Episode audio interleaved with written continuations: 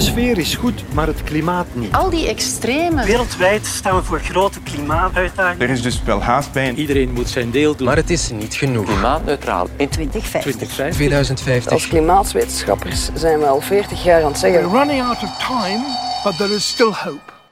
Planeet Frank. Hallo, welkom bij Planeet Frank. Ik kreeg verschillende vragen over weer, klimaat en energie. Tijd voor antwoorden. Vanavond en vannacht kan het ook nog stevig waaien.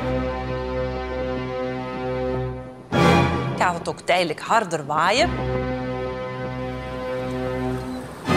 Bij een zwakke tot matige bries uit het zuidoosten. Goed voelbare bries uit het westen ook. Dag Frank, ik heb een vraag voor u. Wind is een luchtverplaatsing van een hoge drukgebied naar een lage drukgebied. Het is zeer logisch, maar waarom komt hij dan in vlagen van rustig naar hevige windstoten in een paar seconden?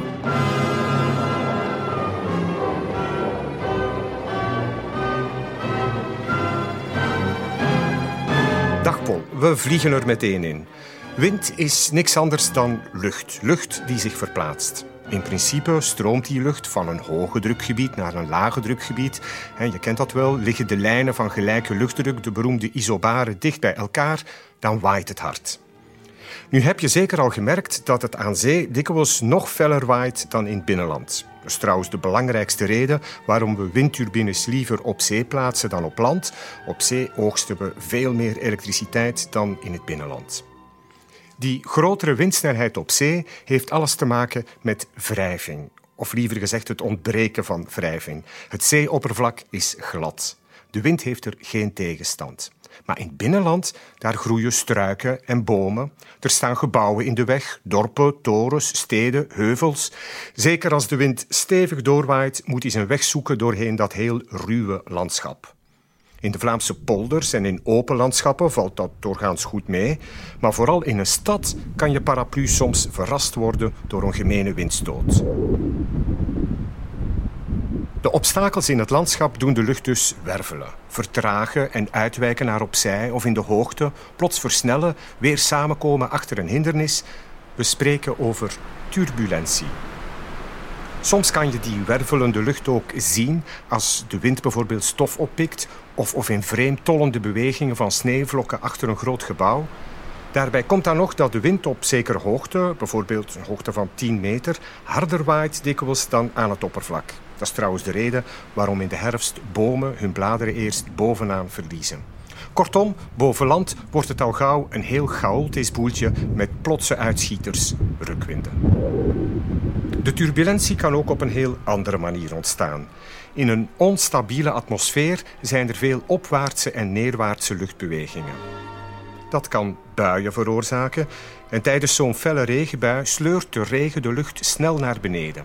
Die wind ploft dus met grote snelheid omlaag totdat die op het aardoppervlak botst. Daar wordt de verticale luchtbeweging omgezet in een horizontale wind die zich verspreidt over het landschap. Het resultaat lokaal hevige rukwinden tijdens een zomeronweer en schade. In zo'n atmosfeer is het voor een vliegtuigpiloot trouwens moeilijk om te landen en voor passagiers om niet misselijk te worden. Dus samengevat, er zijn twee belangrijke redenen waarom de wind waffert, grolt en uithaalt. Ten eerste de ruwheid van het landschap en ten tweede de onstabiliteit van de atmosfeer.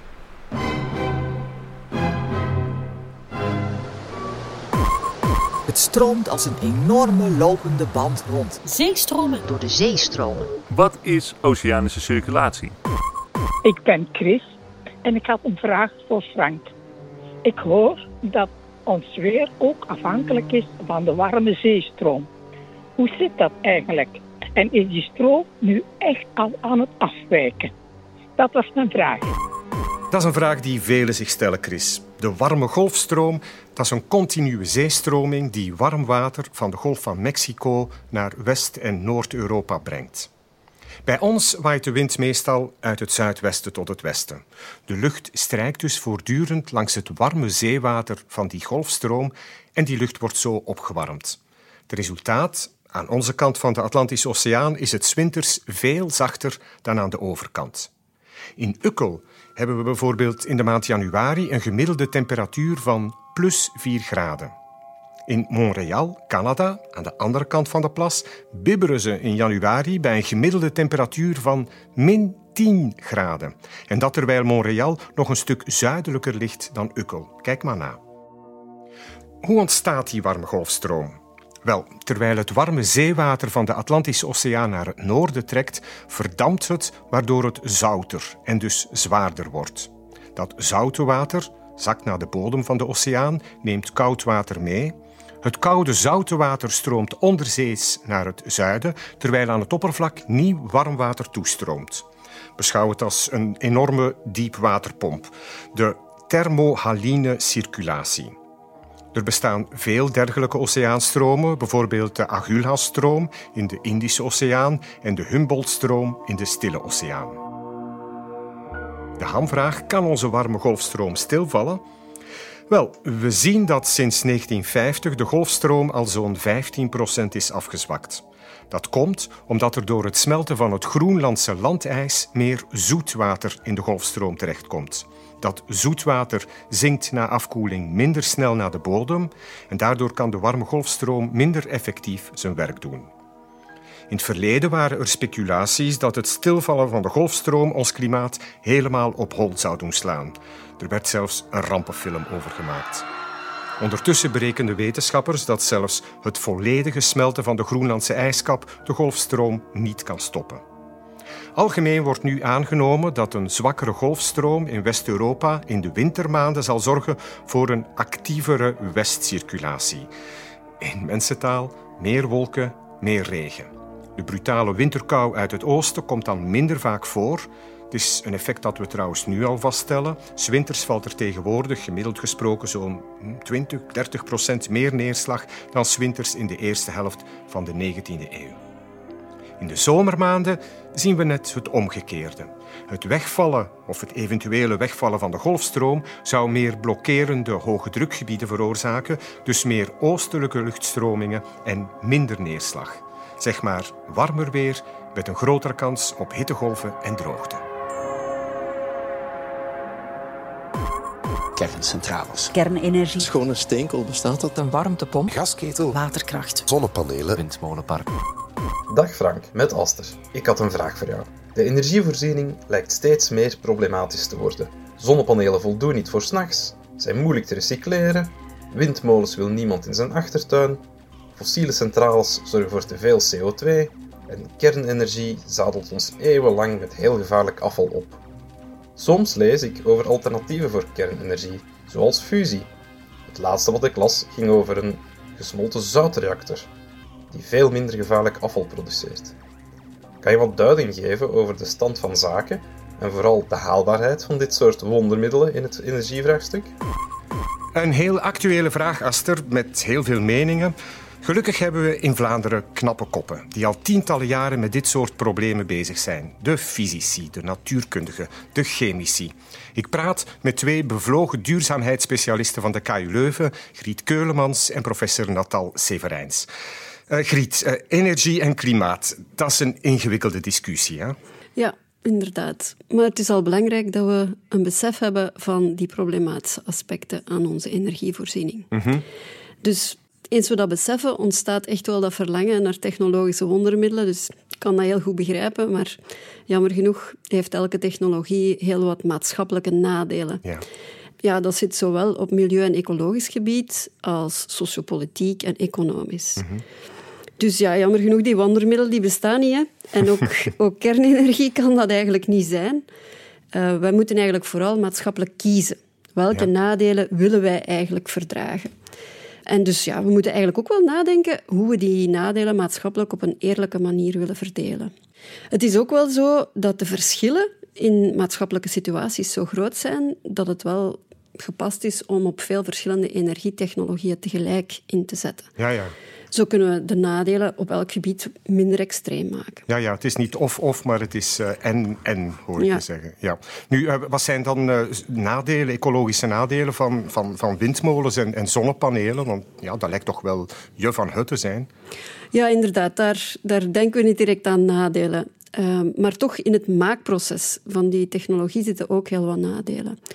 Het gebruik bijvoorbeeld van vrij gemakkelijk uitputbare grondstoffen, uh, voor de magneten in de windturbines bijvoorbeeld. Mhm. Ook het kapotmaken van ecologisch belangrijke gebieden voor klimaatstabilisatie, zoals woud, die we kapot maken omdat we de grondstoffen willen ontginnen of omdat we de infrastructuur willen neerzetten. Daar komt dan ook biodiversiteitsverlies bij. En vaak is er ook heel veel fossiele energie nodig voor het maken en transporteren van de infrastructuur. Waar zitten de sociopolitieke nadelen van, van zonnepanelen dan? Nu hebben we bijvoorbeeld al het probleem van subsidies, mhm. die, die eigenlijk niet goed zijn afgestemd en die vooral gaan naar de goede klasse of zelfs naar de industrie, omdat die snel konden investeren toen de zonnepanelen in de markt zijn gezet. Uh, maar daardoor vergroten we uiteindelijk de kloof tussen arm en rijk. Ondertussen is er ook geen grote toename meer van de installering van zonnepanelen. En dat toont aan dat we voor zonnepanelen uiteindelijk erg afhankelijk zijn van het initiatief van de individuele burger, als we er meer geïnstalleerd willen zien. En als we dan zouden denken van ja, we kunnen dat toch wel op grotere schaal ook wel uh, gaan implementeren. Misschien een regering die een heel gebied vol zonnepanelen kan leggen. En dan denken we gemakkelijk aan de Sahara, daar is veel zon. Maar ja, we willen die energie ook wel goedkoop. Dus we lijken eigenlijk niet van plan om deze landen dan daar serieus voor te gaan vergoeden. Dus helemaal niet zoals voor aardolie. Mhm. Dat vind ik toch ook wel een belangrijke kwestie. Ook bij windmolens. Daar hebben we vaak een oppervlakkige manier van denken van ja, we planten die neer in Groenland. Er is altijd, of toch vaak, veel wind. Ja. Maar daar wonen ook wel mensen hè, die een goed leven willen uitbouwen. Dus het is ethisch onverantwoord om bij die kost voor die mensen dan, of voor de manier waarop we dat zullen vergoeden, niet gaan stil te staan en alleen maar het ecologisch te benaderen. Omdat we dan heel de tijd eigenlijk die kloof tussen arm en rijk, noord en zuid, meer ontwikkeld, minder ontwikkeld, blijven in stand houden. En um, uiteindelijk doen we dat zowel op kleine individuele schaal als op grote internationale schaal. Hm. Dus ik, hoor jou zeggen, uh, voordelen geven aan de lokale mensen die er last van hebben. Ja, inderdaad. Ons systeem van, van innovatie stimuleren, van ja, nieuwe technologie implementeren, werkt uiteindelijk via een economisch beloningssysteem. Er zijn ook grote investeringen nodig in het begin voor die energiewinning. Mhm. Dus ja, je hebt kapitaalkrachtige investeerders nodig, grote bedrijven, durfinvesteerders. Maar die rekenen automatisch in ons systeem ook op heel veel winst. Ja, dat zouden we moeten kunnen veranderen. Een manier waar rond gewerkt wordt en waar, waar al meegewerkt wordt, is met coöperatieven, dus financiering via kleine lokale investeerders die ook de voordelen kunnen gaan rijven van hun investering, omdat ze daar wonen en bijvoorbeeld de energie ook goedkoop kunnen afnemen dat zorgt ervoor dat we veel minder dat NIMBY-syndroom krijgen. Not, not, in my backyard. Ja, ja niet in mijn achtertuin. Inderdaad. En ja, waarom willen we het gewoon niet in onze achtertuin? Dat is omdat we inderdaad dan alleen maar de nadelen hebben. Hè? Mhm. Ehm, en dus als we ook de voordelen krijgen, dan, dan gaan we op een andere manier daar naar kijken en daar anders over nadenken. Je hoort dat nu al wel eens over windturbines die via een coöperatieve worden gefinancierd. Uh, ook zelfs van zonnepanelen. Je hoort ja, sprake van scholen bijvoorbeeld, die op hun grote daken hebben en een buurt die dat wil voor betalen, omdat zij bijvoorbeeld tijdens de zomervakantie dan ook eerder de energie zullen verbruiken in plaats van de scholen zelf die, die, dicht zijn. Hè. Uh, Natal, kan je in eenvoudige taal uitleggen hoe kernenergie nu wordt opgewekt, wel op, op dit ogenblik? Ja hoor, ehm, in de huidige kernreactoren worden tegenwoordig grote atomen uranium, dat kennen we, in twee gesplitst door botsing met een neutron. En bij zo'n splijting komen twee of drie nieuwe neutronen vrij die de energie meenemen die bij die kernsplijting vrijkomt. En die energie wordt omgezet in warmte en daarna in elektriciteit. En tegelijk moet men ervoor zorgen dat voor één van die vrijgekomen twee of drie neutronen een nieuw uraniumatoom splijt. Hm? En zo blijft de reactor draaien. Telkens gaat één neutron een nieuw splijten. Ja, ja gecontroleerd. Ja. En de andere neutronen die worden dan opgevangen in lichte atomen uh, die in de reactor uh, aanwezig zijn, die niet kunnen splijten als ze zo'n neutron opnemen. Want als dat wel zou gebeuren, dan zou de kernbrandstof smelten ja, ja, natuurlijk. Hè? Nu, wat zijn dan de, de voor- en de nadelen van kernenergie, uh, zoals we die vandaag kennen? Wel, de twee belangrijkste voordelen zijn dat je maar weinig brandstof nodig hebt, waardoor je met een beperkt aantal reactoren een heel land van elektriciteit kan voorzien. En daarnaast dat er bij de productie van kernenergie over de ganse levenscyclus van een reactor bekeken weinig CO2 vrijkomt, wat belangrijk is in het kader van de klimaatproblematiek. De hoeveelheid CO2 die bij kernenergie vrijkomt, uh, is hetzelfde als de productie van windenergie bijvoorbeeld.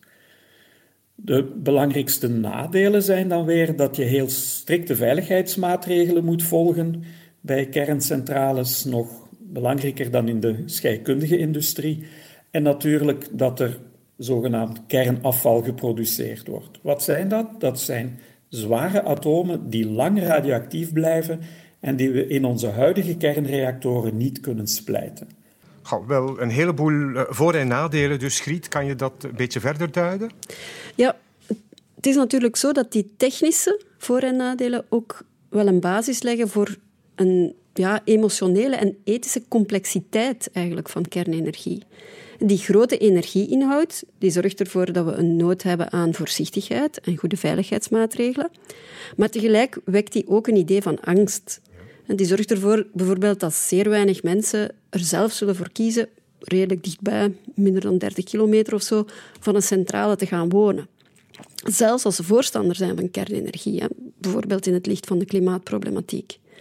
Daardoor wordt kernenergie meteen een sociale en politieke kwestie. En het is pas als we dat ten volle kunnen erkennen en in de discussies meenemen dat er een grote kans bestaat om breder draagvlak voor die technologie te vinden. -hmm. Op dit moment gebeurt ja, eigenlijk eerder het omgekeerde.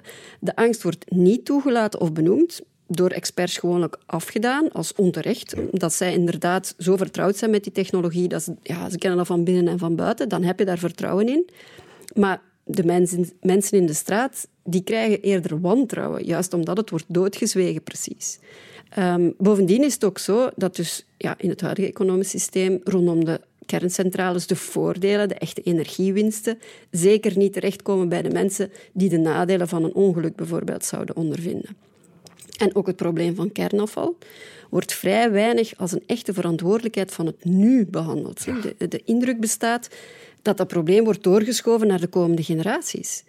Maar er zijn echt wel serieuze technologische ontwikkelingen in die richting bezig.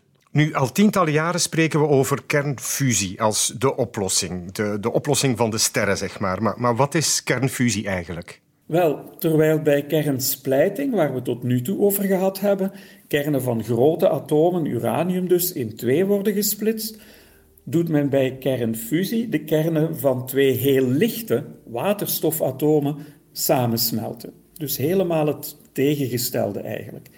In de twee gevallen komen neutronen vrij mm -hmm. en de energie van die neutronen wordt, zoals ik eerder al zei, eerst in warmte en dan in elektriciteit omgezet. Ja. Maar om die kleine waterstofatomen te doen samensmelten, moet je ze wel eerst verwarmen tot liefst 150 miljoen graden. En dat is zowat tien keer meer dan de temperatuur in het inwendige van de zon. Ja. Het is duidelijk dat dat geen gemakkelijke opdracht is, ja, denk ik. Hè? Nu, uh, hoe ver staat de huidige technologie? Want wordt altijd gezegd, kernfusie, ja, ja, dat is binnen 20 jaar. En 20 jaar geleden zeiden we binnen 20 jaar.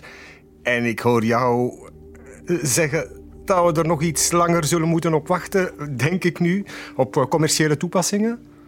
Wel, ja, die technologie heeft uh, heel wat voeten in de aarde omdat het zo moeilijk is. Ja. Uh, in de buurt van Oxford, in de buurt van Londen is dat, heeft men al verschillende keren, maar telkens gedurende maar een paar seconden, kernfusie op aarde echt kunnen realiseren.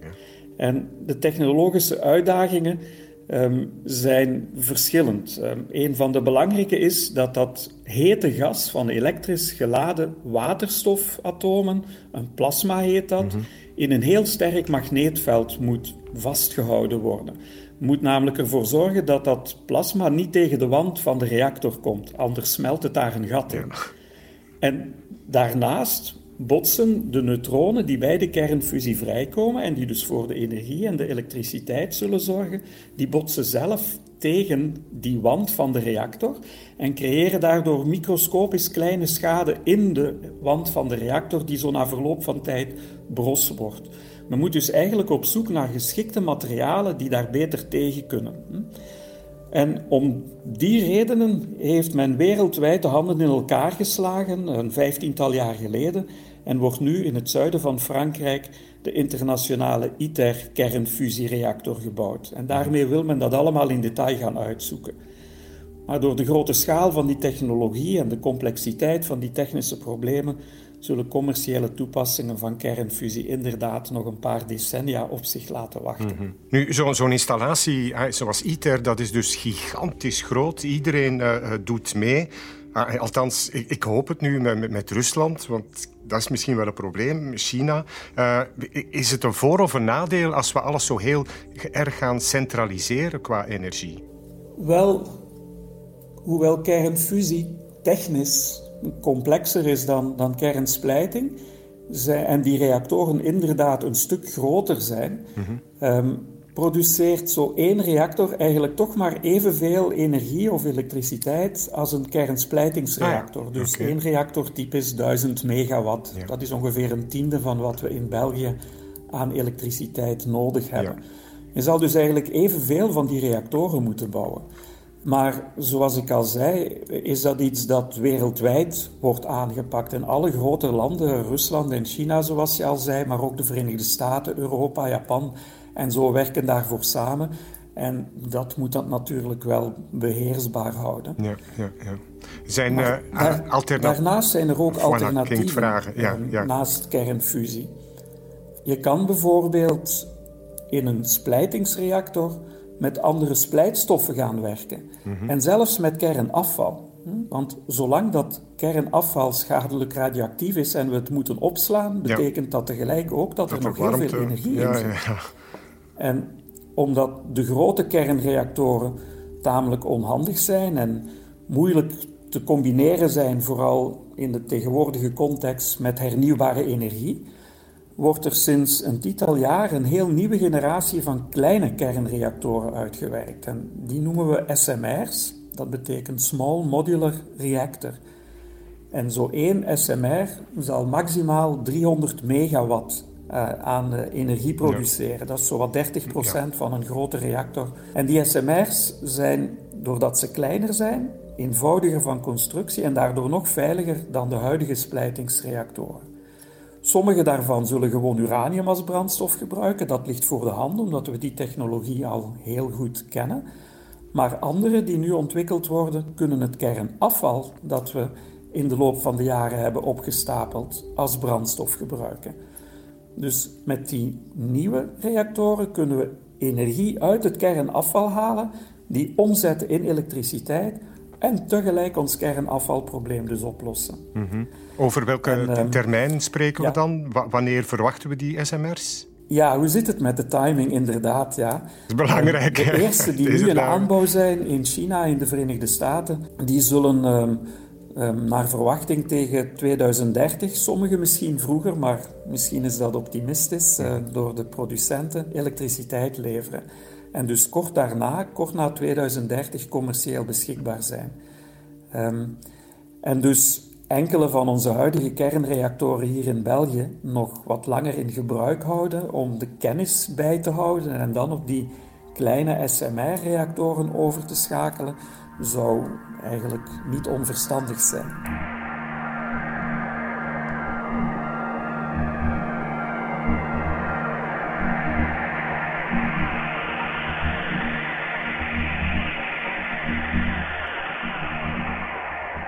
Onze uh, luisteraar wou vooral ook weten hoe het nu zit met die thoriumreactoren. Hè. Dat, uh, ja, het, het mirakel, of, of hoe moet ik dat zien? Wat zijn de voor- en de nadelen van, van dat concept? Ja, thoriumreactoren bestaan nog niet, um, maar um, zijn wel in ontwikkeling. Um, er is bijvoorbeeld een kleine SMR-type reactor met thorium die China op dit moment aan het uittesten is. Um, en wat is er speciaal aan thorium? Wel, in een thoriumreactor wordt dat thorium eerst omgezet naar uranium. En als je dat doet, krijg je een veel lichtere vorm van uranium dan het uranium dat we in onze huidige kernreactoren gebruiken.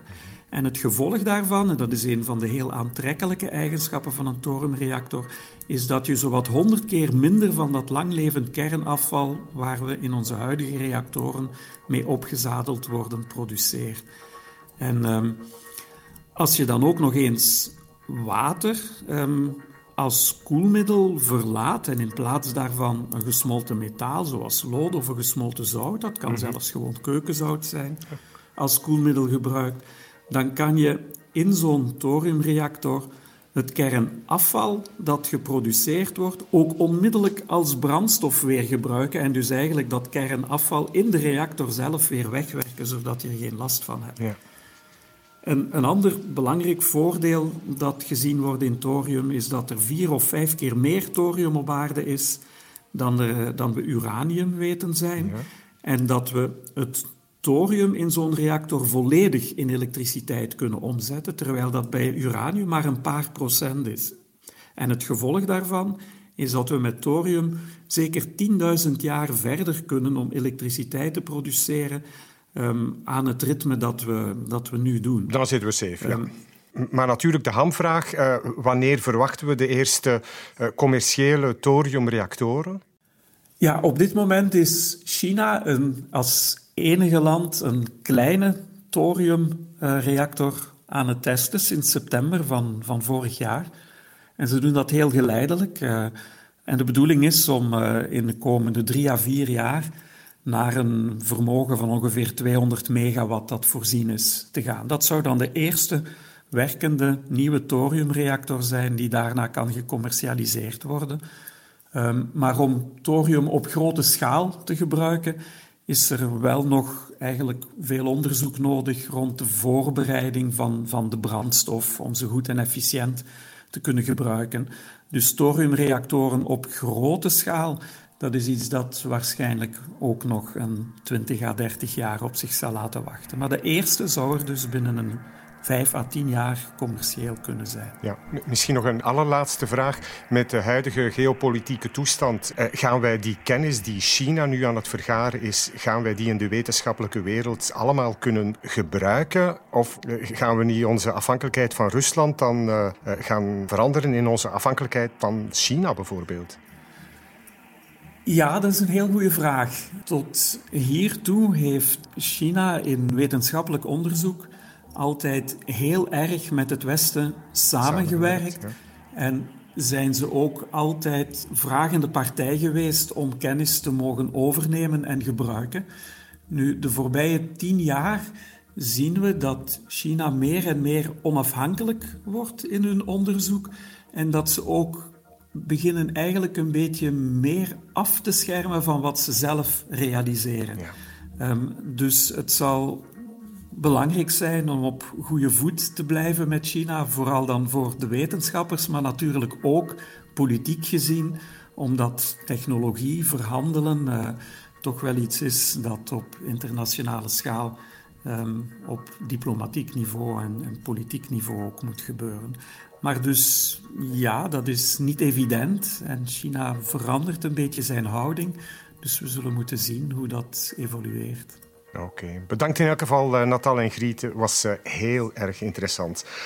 Onze tijd zit er al op. Blijf alvast vragen sturen met hashtag Planeet Frank of mail me op planeetfrank.vrt.be of gebruik het invulformulier op de site. Tot volgende maand. Dit was een podcast van vrtnieuws.be. Meer op de podcastpagina van vrtnieuws.be of via de podcast-app op je smartphone.